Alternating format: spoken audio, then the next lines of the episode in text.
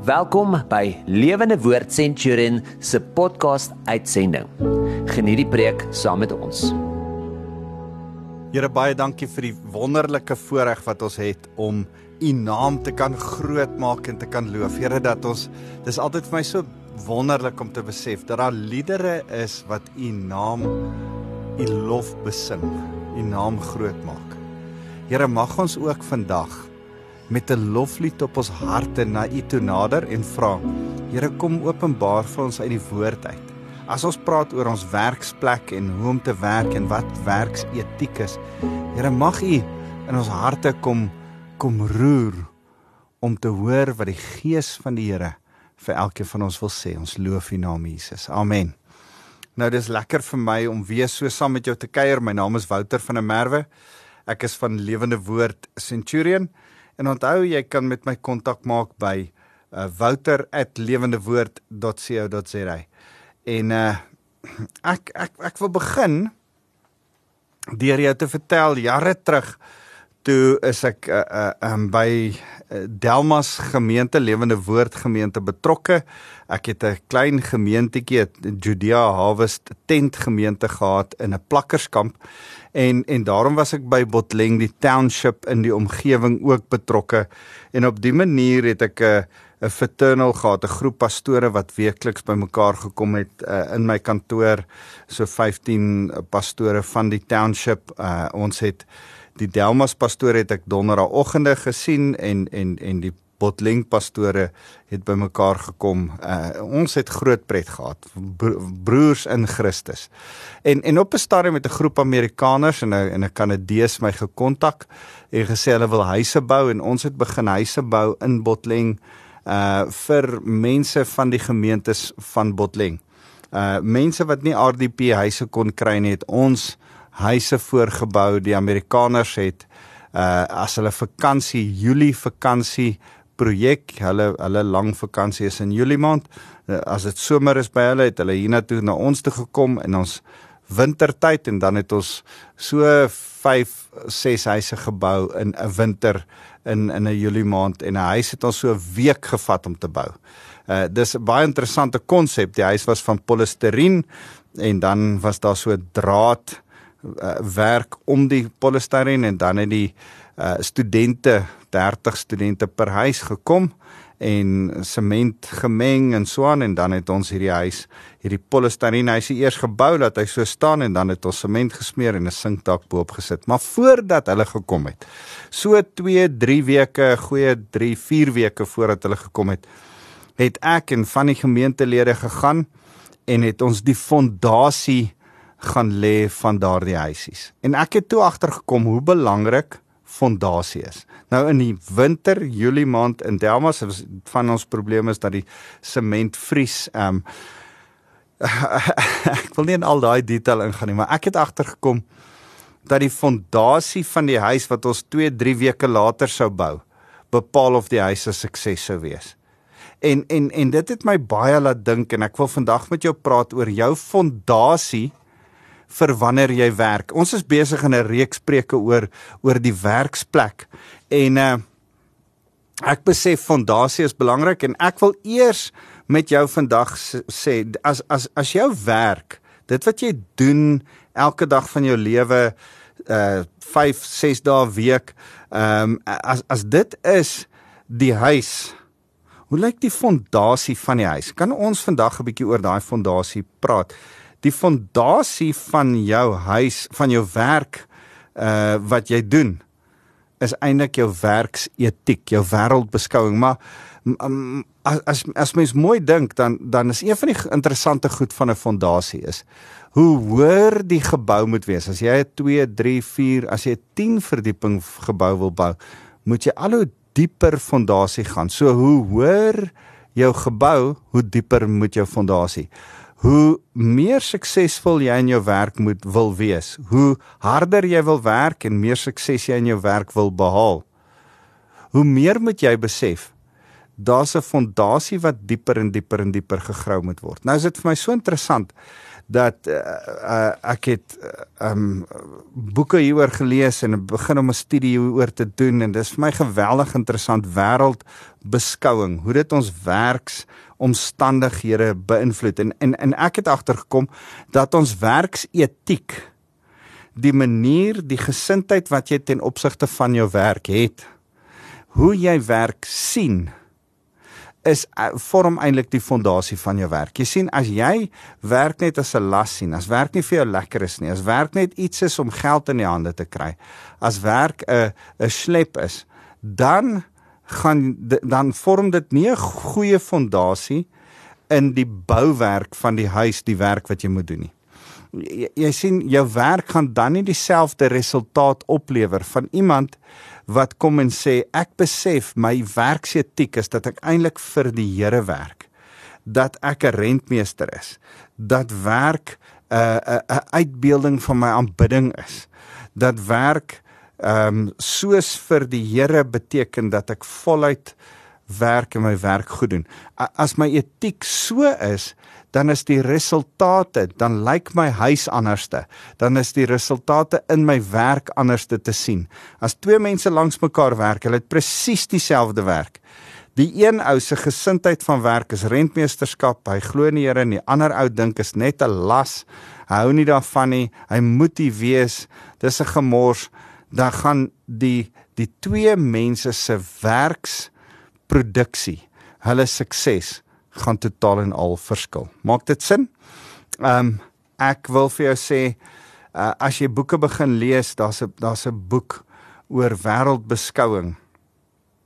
Uh wat wat praat oor uh humanisme dat dat jy werk want want jy moet geld maak of animisme dat werk eintlik net 'n las is en en iets is jy moet eintlik die hele dag net sit. En en dit gaan daaroor oor hoe verskillende godsdienste mense in die verskillende dele van die wêreld groot gemaak is ten opsigte van grond, geld, werk, uh uh, uh um infrastruktuur, um al hierdie tipe goed. Uh en en en die Bybel het ons op 'n sekere manier groot gemaak. Nou dis interessant, jy kry aan die een kant humaniste, aan die ander kant kry jy animisme en in die middel kry jy ons wat teïsties is. Teïsties begin on, ons glo in Theos in in God en omdat ons in God glo, is ons die rentmeesters van die werk en die plek waarin hy ons sit, die talente wat hy vir ons gegee het. Uh ons is nie net hier om geld te maak nie en ons is ook nie net hier om te werk uh as a, as 'n las nie. Ons is hier want ons besef ons is rentmeesters. En en en teëste is sien die wêreld heeltemal anderste as wat animiste en humaniste die wêreld sien. Nou in Suid-Afrika sit ons met uh 80% mense om ons wat in animisme glo. Hulle het 'n ander uh uitkyk na werk. Ons het baie mense in Suid-Afrika wat in humanisme glo. Hulle wil net geld maak. Hulle dink kapitalisme en humanisme, hulle wil net daarvoor gaan. So so ons fondasie, ons manier van na werk kyk is so 'n bietjie gevorm deur ons kalvinistiese protestantse ons westerse opvoeding van hoe ons sekere goed sien en hoe ons dink oor sekere goed. Hierdie goed word van kleins af gevorm van hoe jy groot word. In in die huis waarin jy groot word, die taalgebruik, die gesindheid, die die dinge wat gesê word oor. Ehm um, dis interessant onlangs kry ek te doen met met iemand wat nie 'n pa het nie, 'n jong dame wat so oud is soos my dogters, uh wat nie 'n pa het nie en sê my pa ek ek het nooit die geleentheid gehad van iemand wat konstant vir my sê waaroor droom jy? Wat wil jy eendag word nie? En uh en en dit was 'n interessante gesprek wat ek met haar gehad het want ek besef ek het dit konstant vir my dogters gevra en en my dogters nou nog praat hulle met my daaroor oor wat hulle droom om eendag nog verder met hulle lewens te doen. En en ek dink dis deel van 'n pa se se werk, 'n ma se werk is om die taalgebruik, die kultuur, die etiek te vestig, die fondasie te lê van die werk wat nog gedoen moet word by 'n by die mense. So vandag wil ek wil ek met jou juis oor hierdie praat. En en en as ek daaroor praat wil ek sê Calvin het 'n goeie werk gedoen. Uh Martin Luther het 'n goeie werk gedoen om ons in, in die reformatie te begin voorberei om reg te dink oor werk en al hierdie goed. Maar ver langer as Calvin. Calvin het net toegepas wat in die skrif is en ek gaan jou dit vandag wys want eintlik sien ons dit al in die Ou Testament op verskeie plekke. Ek's nou besig met Daniël en en en ek sien net weer in Daniël se lewe. Hy was 'n harde werker want hy het besef hy werk vir die Here. Maar ek wil jou eintlik vat vandag na Dawid toe. Dawid het 'n groep dapper manne gehad. Hy het 'n groep dapper manne gehad wat om hom kom vestig het in die tyd toe hy gevlug het vir Saul. Nou nou nou laat ek net eers sê Ek wil dit op 'n mooi manier sê, seker nie 'n mooi manier om dit te sê nie, maar hulle was 'n klomp skirminkels.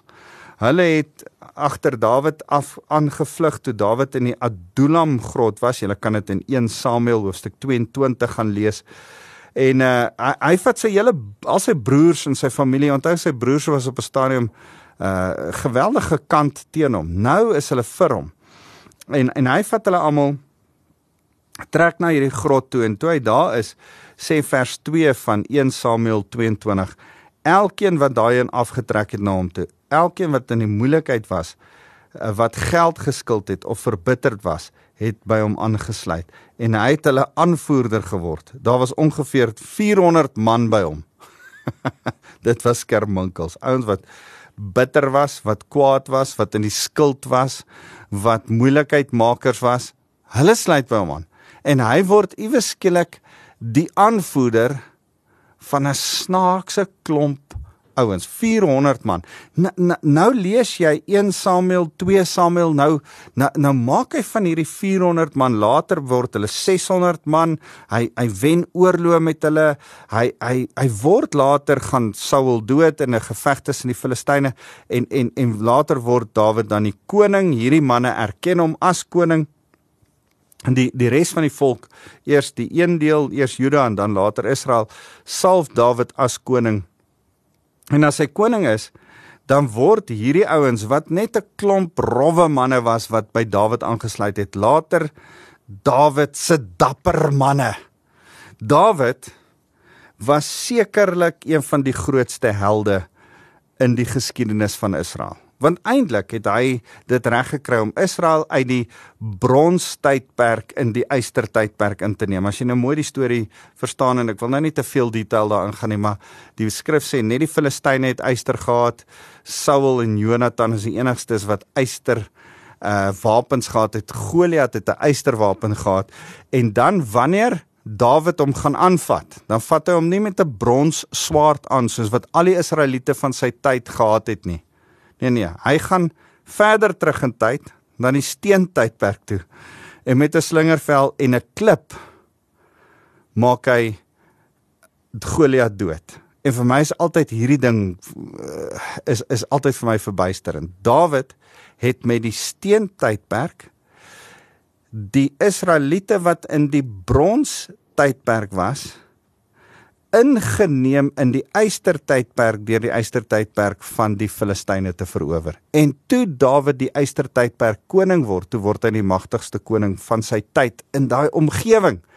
En hy laat die Israeliete uh, uh saam smelt om hom in een volk. Hy maak van hulle nie net verskillende stammetjies nie, hy maak hulle iewes skielik hierdie een gesamentlike volk. En hy het 'n goeie regering en dit gaan met hom goed. En aan die einde van sy lewe 2 Samuel hoofstuk 23 dan dan dan skryf hulle sy laaste woorde neer. En net voordat jy by hoofstuk 24 kom waar waar hy sterf waar Dawid sterf dan dan is daar eers hierdie insetsel oor Dawid se helde Dawid se dapper manne. En en ek wil vandag stil staan by 2 Samuel 23 vers 8 tot vers 39. Dawid Dawid se dapper man. Ek gaan nie alles lees nie. Ek gaan hier en daar op uh, van hierdie manne lees want uit hierdie manne kom ons agter hy het so 'n 'n 'n 'n groep rekkies gehad. So special ops groep. So klomp dapper manne wat net sekere goed kon doen wat verstommend was wat ek dink bo natuurlik gehelp moes word deur die Heilige Gees om reg te kry wat hulle reg gekry het. Maar ons sien uit wat hulle gedoen het vir Dawid hulle baas. Onthou al was Dawid die koning, al was hy hulle leier, al was hy hulle gevegsaanvoerder, het hulle vir hom gewerk vir 'n salaris. Het hulle Dawid gedien en was hy hulle baas. En is daar iets van 'n werksituasie waarna ek wil kyk? Jy, jy kan as as ons nou 'n paar manne is, kan ons na manne goed kyk in hierdie paar verse. Maar ons hier's baie meer as net manne wat vandag na my luister. Uh, ons kan sekerlik kyk na gevegs uh strategie as dit soldate is. Maar ek wil nie soos 'n man of soos 'n soldaat na dit kyk nie. Ek wil vandag soos 'n werker of soos 'n werkgewer na hierdie gedeelte kyk en 'n paar goed agterkom en hier en daar 'n paar tips vang, 'n paar goed en sê uh, die Bybel het tog 'n sekere werksetiek. Daar's tog 'n 'n sekere manier van werk wat ons uit eer en respek en agting vir die koning agterkom. En onthou, hierdie manne het Dawid die koning gedien. Ons dien die seun van Dawid. Die koning van die konings, ons dien Jesus Christus. En as hierdie manne hierdie vir Dawid gedoen het, wil ek jou aanmoedig, kan ons dalk oorweeg dat ek en jy ons werksetiek aanpas as ons vir die Here werk. Nou kom ek begin met waar vers 8 begin met die vasbyt ouens, die drie vasbyt generaals. Uh, sy sy drie ouens wat voorgestap het. In die eerste plek, uh, vers 8, Josep Bassebet. Hy verower 800 man. Dis die manne van Dawid se helde Josep Bassebet uit Tagkemon. Hy was die hoof van die drie. Hy het sy spies geswaai oor 800 man wat by een geleentheid deurboor is. Nou ek weet nie hoe kry een man 800 ander ouens doodgemaak met 'n spies nie. Ehm um, jy moet hom nogal kan swaai om 800 ouens dood te maak. Uh dalk was hy uh, die een kommentaar wat ek lees sê dat hy was met sy rug in 'n grot en die ouens kon hom nie van die kant of van agter af benader nie, net van voor af en so het hy 800 man neergevel. Na hom was daar Eleazar sê vers 9, seun van Dodo, seun eh, van 'n man uit Agoag. As een van die drie helde was hy by Dawid toe hulle die Filistyne uitgetart het wat daar was vir die geveg by een. Ek ek kan my net insien hoe loop hy en Dawid wat vir Goliat oorwin het nou terg hulle die Filistyne. Uh toe die manne van Israel teruggetrek het. Nou nou kom nou staan die Filistyne op om teen hulle te veg en iewes skielik kom die Israeliete agter ons is te min hierdie ouens is te veel en hier hardloop al die Israeliete weg en Dawid en hierdie ou bly staan. Ehm um, toe die manne van Israel teruggetrek het, het hy vasgestaan en die Filistyne neergevel totdat sy hand so moeg was dat dit aan die swaard vasgekramp was. Die Here het daardie dag 'n groot oorwinning bewerk en die manskap het teruggedraai na Eliezer net om die dooies te plunder. Toe hulle almal klaar dood is, toe kom die ander ouens terug. Is jy bereid om in jou werksplek vas te byt? Jy sien jy nou het vasgebyt bo alle odds uit. Alles het gelyk asof dit te veel is. Miskien lyk jou werk vandag asof dit te veel is. Een mens kan dit nie doen nie. Dis onmoontlik. Goed, is jy nog steeds bereid om dit vir die koning van die konings te doen. Sal jy nog steeds jou werk ordentlik doen soos Josep Batsebet of sal jy self selfs al vat dit iets van jou, selfs al uh hierdie ou het so geveg dat sy hand aan sy swaard vasgesit het. Hy kon nie sy sy vuis toe oop kry nadat hy aanhou beklei het nie. En uh sal jy bereid wees om selfs tot nadeel van jou eie liggaam. Ek, ek beveel dit nooit aan nie. Jy moet na jouself kyk, maar partykeer wil ek jou vra, sal jy selfs tot nadeel van jou eie liggaam gehoorsaam wees, 'n werksetiek hê en goed werk. Hoor nou die wat doen die volgende nou. Naam was daar Samma, seun van Agee uit Harar. Die Filistyne het byeengekom in 'n kamp waar daar 'n stuk land vol lensies was. En toe die manskappe voor die Filistyne uitvlug, het Samma stelling ingeneem in die middel van die land en dit teruggevat en hy het die Filistyne verslaan en die Here het 'n groot oorwinning bewerk. Jy sien wat die Filistyne gedoen het is, hulle het gewag tot 'n uh, 'n uh, uh, oes ryp is of dit nou koring is of lensies is of enigiets anderste en wanneer die mense in die lande staan besig om die oes af te haal, dan het hulle met hulle soldate gekom en die mense geplunder en die oes in die en die oes vernietig of die oes vir hulle gevat. Ek dink altyd aan daai uh fliek The Ants en hoe elke keer as hulle 'n oes het dan kom haal die grasshoppers as jy dit onthou daai kinderstorie kom haal hulle die oes. Nou dis dieselfde wat die Filistyne gedoen het. En Samma het besluit tot hier toe en nie verder nie. Hy het in die middel van die lensie land gaan staan en gesê ek gaan hierdie oes en ek gaan hierdie lensie vir lensies verdedig met my lewe is jy uh bereid om vas te bly staan op jou beginsels en vir die werk vir die baas vir die oes vir die profeet maak nie saak wat nie. Ehm um, dat Satan, dat vyande, dat oppositie dit nie by jou sal kom steel nie. Ek ek wil hê jy moet iets van 'n gesindheid en 'n hart en 'n werksetiek by hierdie ouens snap. Uh nou is daar nog 'n ou Abisai in in in die volgende vers wat wat gaan en vers 18 dan maak hy 300 ander manne dood. Benaja is een van my heroes in die geloof. Hy's die ou sê die skrif ek ek wil dit lees vir julle. Dan was daar Benaja, seun ek lees vers 20. Seun van Jojada, onverskrokke man uit Kapseel wat groot dade gedoen het. Hy's die een wat twee manne van Moab, manne met leeuwe moed. Nou in die oorspronklike staan staan daar manne wat soos leeu's was verslaan het. Dis hy wat op 'n dag toe dit gesneeu het, binne in 'n opgarpit afgegaan het en 'n leeu neergevel het. Ek dink altyd aan daai prentjie. Man, party mense wil nie eers kerk toe kom as dit reën nie. Hierdie ou klim in 'n put in. 'n put is 'n is is 'n is 'n nou spasie en almal sê hoor jy dat per ongeluk per ongelukke leeu in 'n put geval. Dis nog 'n verhaal van sy eie waaroor ek ook graag eendag in die hemel sal wil uitvind hoe daai leeu in daai put gekom, maar nou is die leeu in die put. Nou kan die mense nie water skep nie. Nou kan hulle nie aangaan met hulle daaglikse taak nie. Iemand moet nou daai leeu doodmaak. My logika sê gooi hom met klippe, gooi hom met 'n spies.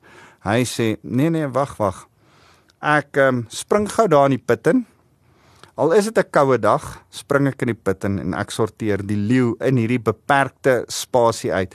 Man, eh, dis een ding om met 'n swaard na 'n leeu toe te gaan. Jy moet weet, 'n leeu het eintlik 'n paar dolke aan die voorkant van sy pote en 'n paar in sy mond. En hy's vinnig en sterk daarmee en hierdie ou is nie bang nie. Hy gaan sorteer daai leeu uit. En ehm um, soos Dawid dink ek hy moes al leeu's doodgemaak het voordat hy hierdie een aangevat het. Maar hy spring daarin, maak die leeu dood. Ehm um, dis ook hy wat 'n Egiptenaar 'n indrukwekkende man verslaan het. Die Egiptenaar het 'n vegspies in sy hand gehad en Benaja het na hom afgegaan met 'n stok. Hy het die vegspies uit die Egiptenaar se hand geruk en hom met sy eie vegspies gevegspies doodgemaak. So, so Benaja word toe later die leiwag van Dawid, hy word toe later die leiwag van Salomo en hy doen onverskrokke en wonderlike goed. Hy hy hy, hy het ook Dawid se vreemde legioen beheer. Die mense wat nie Israeliete was nie, het hy gelei. 'n Ongelooflike ou. En dan eintlik die ouens wat ek by wil uitkom. Die die, die heroes van hierdie uh van hierdie storie is wat ek vir jou wil lees. Ek wil jou hierdie uh, verhaal lees van 'n drietal vers 13 sê 'n drietal van 30 hoofde het afgegaan in die oestyd by Dawid aangekom en in die grot van Adullam. Die kamp van die Filistyne was opgeslaan in die vallei van Refaim. Die hele vallei bo uh Dawid. En terwyl Dawid in Adullam was, Dawid was op daardie stadium in die bergvesting en daar was 'n wagpos van die Filistyne in Bethlehem. Nou onthou Dawid kom van Bethlehem af. Hy het skape opgepas. Dis waar sy ma en sy pa oorspronklik gebly het. Nou om een of ander rede het die Filistyne Bethlehem ingeneem. En Dawid sê in vers 15, Dawid was vol heimwee want want sy tuisdorp is nou deur klomp Filistyne ingeneem. En Aaron sê as iemand tog net vir my water kon laat drink uit die opgaarput by Bethlehem wat by die dorpspoort is. Nou die die, die skrif sê o, oh, ek wens ek wens ek kan net 'n klein bietjie water daar net buite Bethlehem is daar put. En ek het altyd my skape daar laat drink. Daai water toe ek 'n kind was, het ek daai water geproe. Dit proe so soet. Dit proe so Jy weet mos as jy 'n kind is dan alles wat toe jy 'n kind was, voel groter, lekkerder, mooier. En en en Dawid dink weer terug. Sommige hardop dink hy terug gaan. Ag, nou dat ek hoor die Filistyne is daar. Ja. Ek wens ek kan van daai water drink. Dalk, dalk het Dawid gesê, Ah, hy's 400 skerminkels en ek moet al hulle probleme uitsorteer en dis moeilik en ek verstel om die koning te wees en Saul agtervolg my en ja, ek ek wens ek kan net weer 'n skaapwagter in Bethlehem wees. Ek wens ek kan net weer die water van die put buite Bethlehem drink. En hierdie drie manne hoor hom. Hulle hoor hom en hulle besluit, dis nie 'n opdrag nie, dis 'n wens wat Dawid per ongeluk dalk moes hy nie per ongeluk hardop uitgespreek het en hulle besluit as ons leier dit wens dan word dit ons bevel en sonder om met Dawid dit af te spreek veg hulle vir 21 km in die vallei van Rephaim deur die Filistyne tot by die put skep water en veg weer die drie van hulle 21 km terug dis 'n hele maraton 'n hele maraton om 'n om 'n fles water te gaan haal, om om bietjie water vir Dawid te gaan om 42 km te stap is een ding. Om die drie van hulle 42 km vegtend deur 'n linie Filistyne te moet veg en weer terug te moet veg. Dis heeltemal iets anderste. En en dan kom hulle by Dawid Hoor hierdie storie, ek wil ek wil dit vir julle lees. Die drie helde het toe deur die kamp van die Filistyne gebreek, water geskep uit die opgarput by die dorpspoort eh, van Bethlehem. Hulle het dit gedra en vir Dawid gebring, maar hy wou dit nie drink nie. En hy het dit vir die Here uitgegiet. En hy het gesê: "Mag die Here my daarvan weerhou om hierdie water te drink. Is dit nie die bloed van die manne wat hulle lewens gewaag het nie?" Hy wou dit nie drink nie dit was die drietal held wat die drietal helde gedoen het. Nou nou Dawid sê vir hierdie manne, ek respekteer julle so. Julle het julle lewe vir my gewaag. Ek gaan nie waag om hierdie water te drink nie. Ek sal dit eerder as 'n offer vir die Here uitgiet. Ek wil eerder hê die Here moet dit drink. Ek wil drink in in aanhalingstekens sit. Ek wil dit eerder vir die Here teruggee. Want dankie dat julle dit gedoen het. Maar eintlik is ek nie werd. Die Here is werd as as jy 'n so moeilike ding gedoen het, as jy regtig 'n basis, dan begin jy agterkom wanneer jou werksmense uit hulle pad uit gegaan het om vir jou iets te doen. En dan moet jy die erkenning gee dat dit nie eintlik vir jou was nie, maar vir die Here. En dan moet jy vir hulle kan sê, hoorie ek wil julle eer deur nie self die water te drink nie.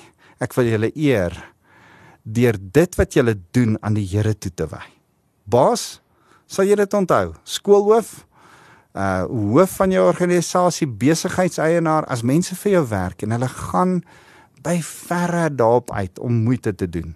Onthou dit. Ek was onlangs in so 'n situasie, um waar my baas van my verwag het om om 'n ding te doen wat net sy wens was dat hy van die Here af gehoor het, weet ek nie, maar dit was sy wens en ek het besluit die Here het my hierdie openbaring uit hierdie skrif uitgegee om te sê volg jou baas, jou koning se wens.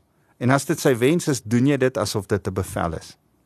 En ek is tans besig om dit te doen asof dit sy bevel is. Ek sê gereeld vir hom: "Hoorie, Neville, ek doen hierdie omdat dit jou wens is. Gehoorsaam ek jou." En uh en en ek wil jou aanbeveel. Daar's daar's iets daarvan om vir jou baas te sê, ek hoor jou wens. Jy hoef nie by die Here te gehoor het nie. Jy hoef nie 'n 'n 'n bevel vir my te gegee het nie. As jy dink, dan gaan ek dit doen. Ouens, dis wat gehoorsaamheid is. Dis wat 'n werksetiek is, is om in in in in pas nie net met koning Jesus te wees nie, maar met die baas vir wie jy werk te wees. Dan vat dit baie keer dat ons ongevraagd veg deur probleme soos wat hierdie ouens 21 km geveg het deur die Filistyne dat jy veg deur probleme. dan moet jy by die by die probleem kom, dit oplos en dan het jy dalk weer 'n geveg om terug te kom met die water in hand. En dan as jy dit vir jou baas gee, weet jy wat? Dan doen jou baas nie altyd wat jy gedink het hy gaan met die eindresultate doen nie. Jy dink hy gaan dit drink en geniet en sê, "Ja, yeah, baie dankie" en dan gooi jy dit voor die Here uit. Dit het niks met jou uit te waai. Wat jou baas met jou werk doen nie gee jy dit vir jou baas asof jy dit vir die Here gee. Want jy is besig met werksetiek wat vir die Here werk, nie vir 'n gewone aardse baas nie. En en kan ek net hierby sê, eh, my tyd is op en ek wil hier afsluit. Die heel laaste ek, ek wens ek kan deur al hierdie ouens gaan, maar die heel laaste een van hulle vers 39. En Uria die Hetit altesaam was hulle 37. Die heel laaste van die helde is Iria die Hetit. Iria is die man wat Batseba se man was wat Dawid Batseba swanger gemaak het toe hulle Iria laat terugkom by Batseba laat slaap sodat sy skande nie bekend word nie toe sê Iria nee ek kom slaap op die koning se stoep want terwyl my medesoldate in die veld is besig om te veg kan ek nie by my vrou slaap nie. Ehm um, en Dawid besef toe luister hierdie ou is so regverdig maar Dawid laat stuur hom nog steeds terug en laat Joab hom voor aan die front sit sodat hy sneuwel as gevolg van Dawid se sonde. So as jy 'n werker is, jy deel van jou werk se etiek moet wees ek's bereid om deur moeilike omstandighede te gaan. Ek's bereid om dalk my job te verloor, om dalk my reputasies eh, te kan ehm um, inboet. Maak nie saak ek sal vir my baas cover, ek gaan vir hom werk, ek gaan vir hom help. En partykeer is sy sonde, sy foute, sy laat jou in die moeilikheid kom. En ek en jy moet nog steeds sê, Here, ons wil U eer deur ons werk. Is 'n baie fyn lyn want ons moet nog steeds ons baas um verantwoordbaar hou as hy droog maak. Ek dink dit is nog steeds belangrik. Maar daar kom 'n tyd wat ons nog steeds moet gehoorsaam wees. Al voel ons um dat hierdie is net 'n fout. Ek praat nie van sonde nie. Um ek praat van foute. So werksetiek is 'n moeilike ding. As as jy dink Jesus kom werk deur aarde toe kom en vir ons te kom verlossing bring. Dit was die werk wat hy kom doen het en hy lê sy lewe soos Uria neer vir my en jou want daar sonde by ons nie by Vader God sy baas nie maar by my ons is daar sonde en hy lê sy lewe vir ons neer daarom is Uria altyd vir my so bietjie iets van 'n messiaanse figuur ek en jy moet besef ware werksetiek die regte werksetiek kom ons en ons sê Here hier is my lewe ek gee dit vir u deur hard en goed te werk. Kom ons bid saam. Here baie dankie dat ons net so voor U kan kom pleit, Here. Maak die fondasie van ons van ons werk reg. Geen dat ons reg sal dink oor werk en oor hoe ons werk. En Here kom vorm ons deur U woord. Here baie dankie dat ons groot word manier ook vorm hoe ons praat en dink oor werk. En Here, daarom wil ek vra dat U seker goed sal regskuif in terme van werk sodat ons goeie werkers vir ons basis sal wees soos hierdie dapper helde goeie werkers vir Dawid was. En Here, nou wil ek kom toebid oor elkeen wat na my luister. Die seën van die Here mag die liefde van God ons Vader elkeen se deel wees. Mag die genade van Jesus Christus ons help by ons werk veral om ook genade te kan hê met ons baas, genade te kan hê met ons kollegas en genade te kan hê met ons kliënte, pasiënte, studente, maak nie saak wat hulle het, is nie. Dat ons genade sal hê met hulle want U het genade met ons. En Heilige Gees, ek kom bid dat U oor elkeen net so vaardig sal wees dat hulle sal weet dat U met hulle is en hulle dapper kan wees in hulle werksituasie. Ons loof U Jesus. Amen. Lekker FM